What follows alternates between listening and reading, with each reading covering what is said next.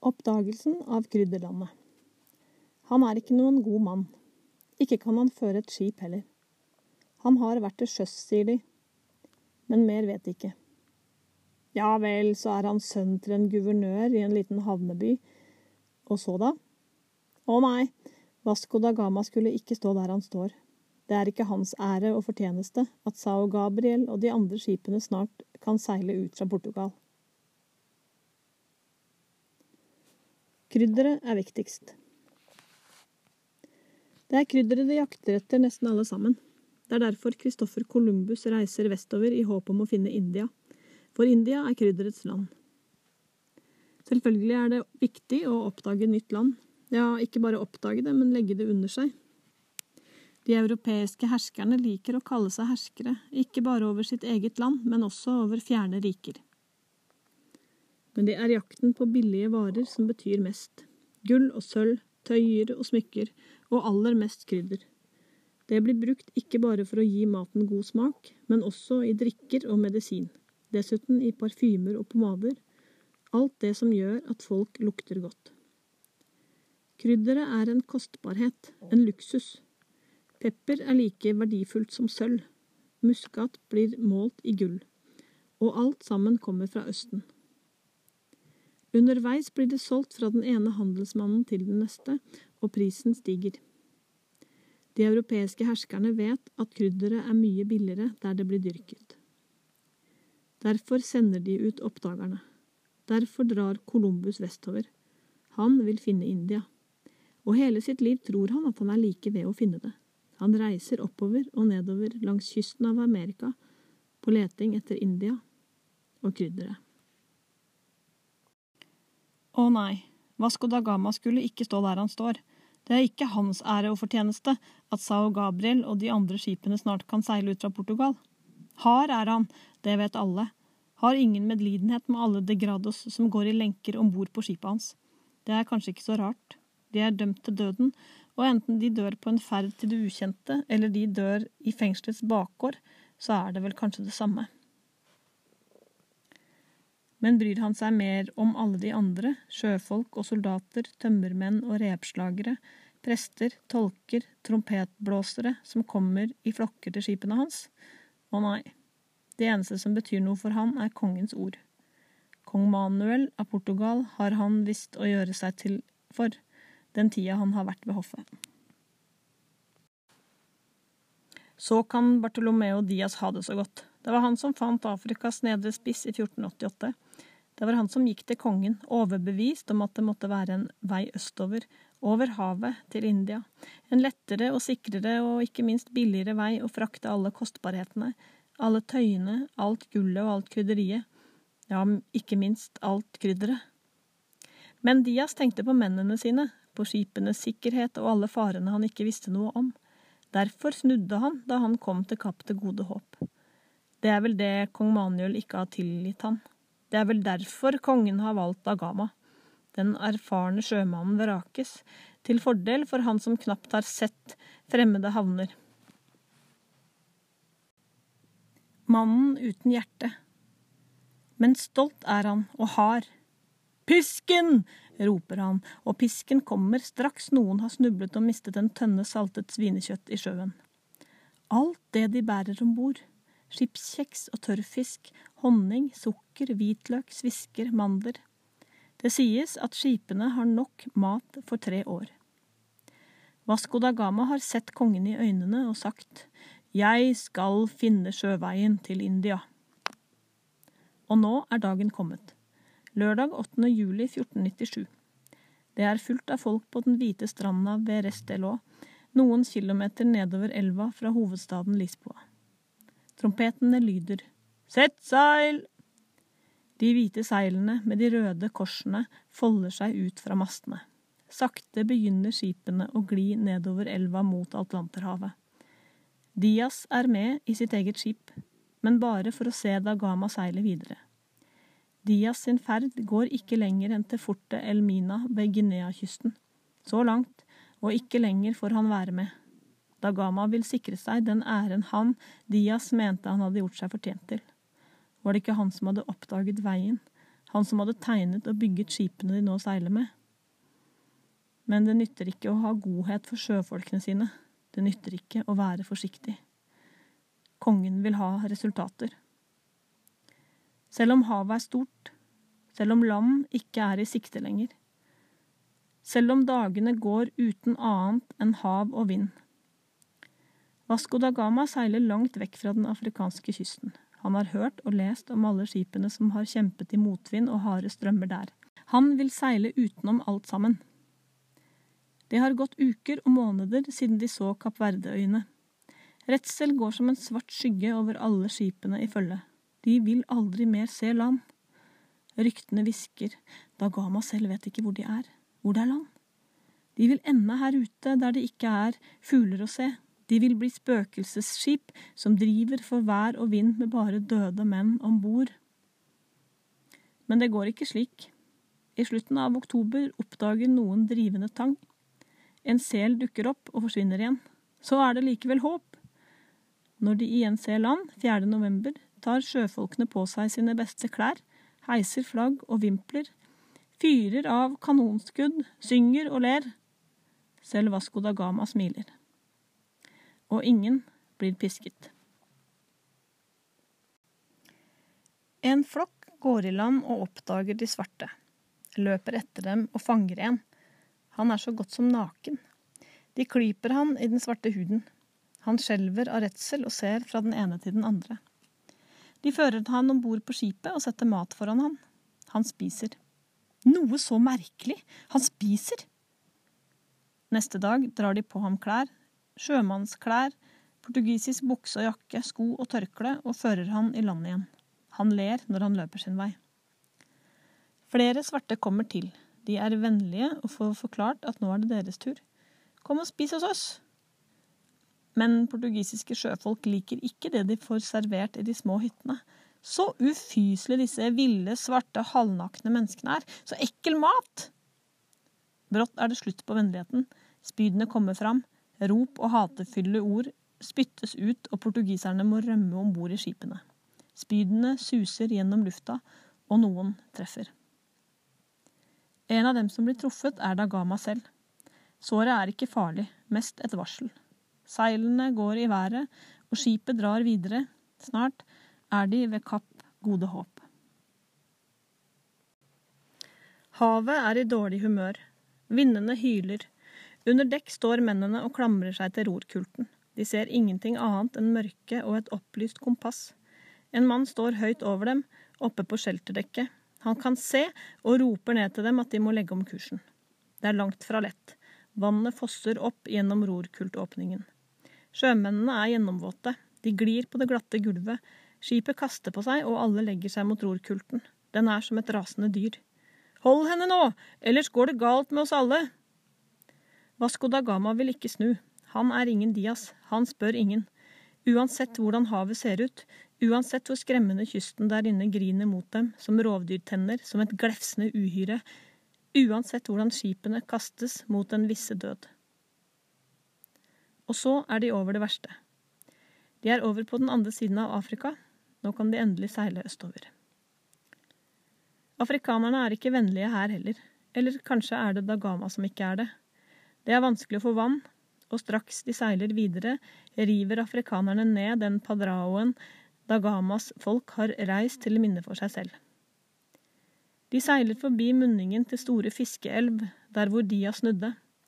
Om det de nå skal komme til, vet de lite eller ingenting. Snart har de så lite vann at de må koke maten i saltvann. Ingen får mer enn en halv liter vann om dagen. Det er forferdelig, for varmen er voldsom. Det er midt på sommeren på denne siden av akvator. Og arbeidet er hardt. Svetten renner, og pisken svinges over alle som ikke løper når ordenen er løp.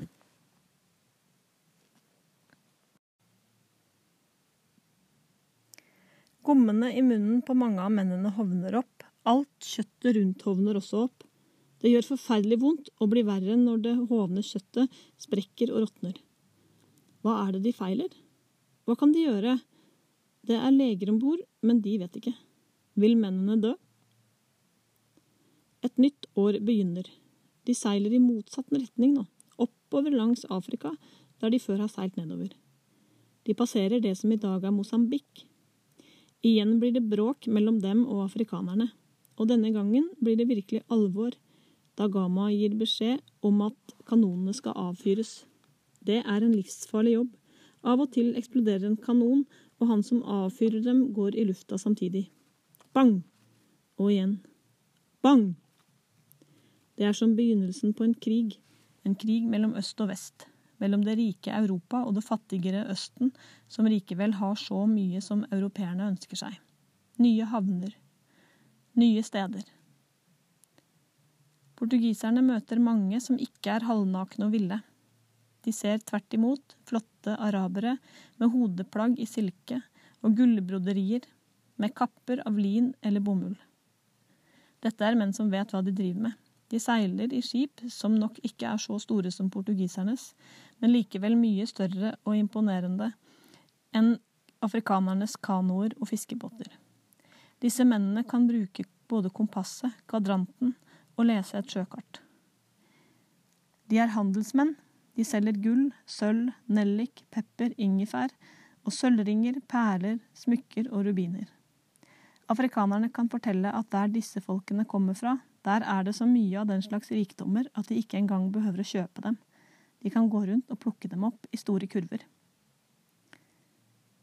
Portugiserne rister beundrende på hodet. I april kommer de til Mobasa i det som er Kenya nå.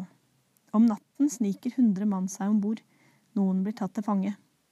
Hell kokende olje over dem, sier Dagama. De skriker av smerte og redsel.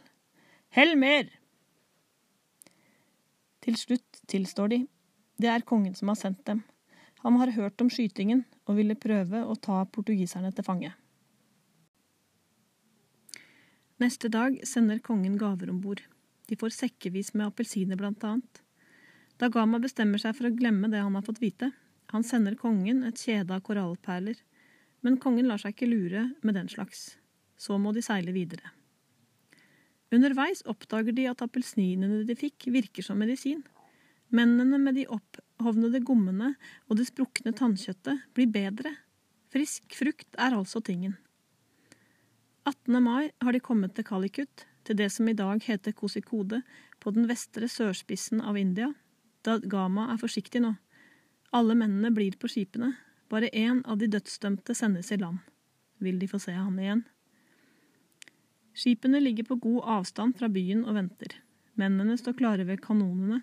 Da Gama er urolig. Så ser de han. Han vifter med armene. Han snakker og snakker. Han har truffet noen som snakket spansk. De kom bort til meg og snakket til meg. De spurte hva gjør du her? Da ga nikker utålmodig.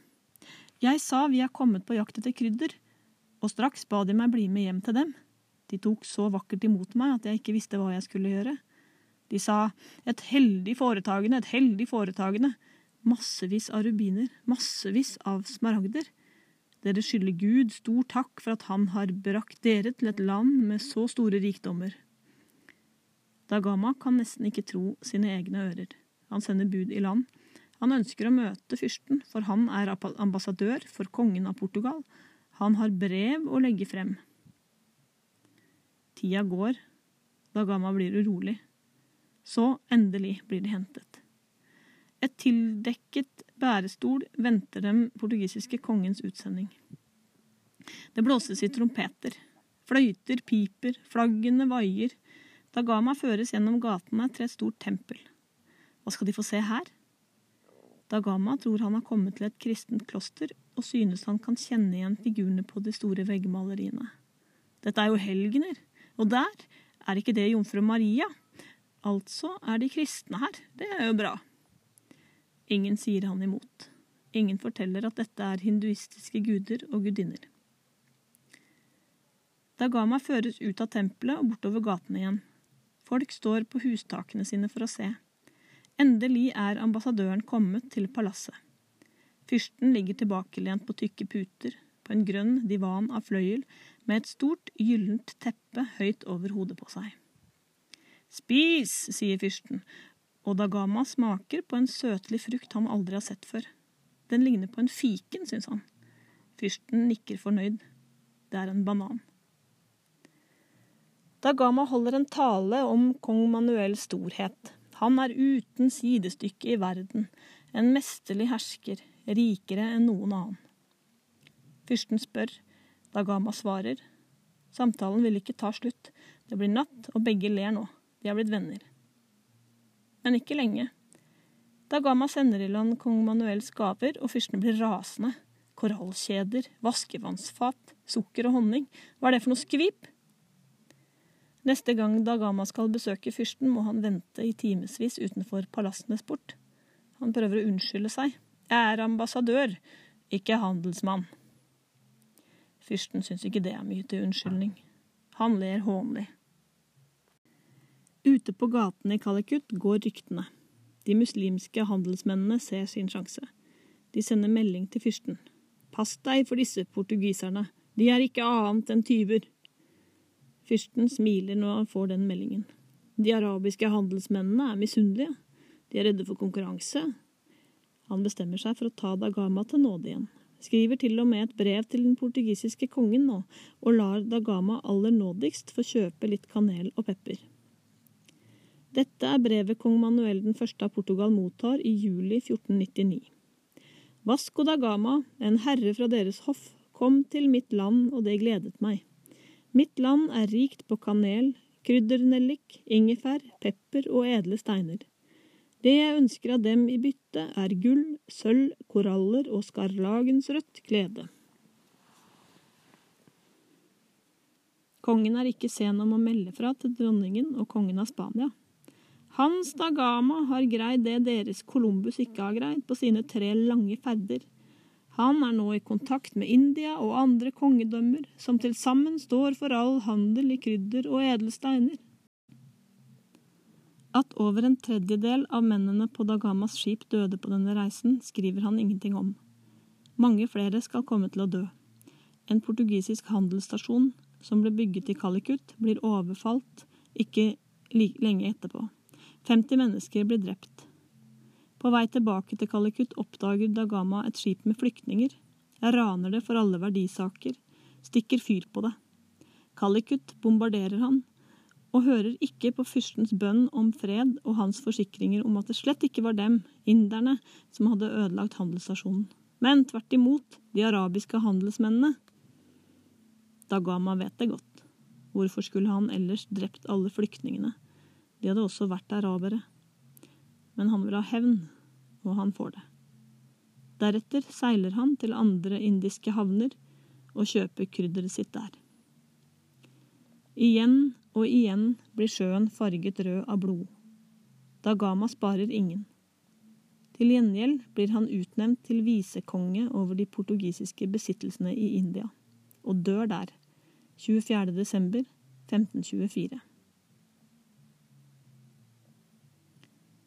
Denne fortellingen er skrevet av Tor Edvin Dahl.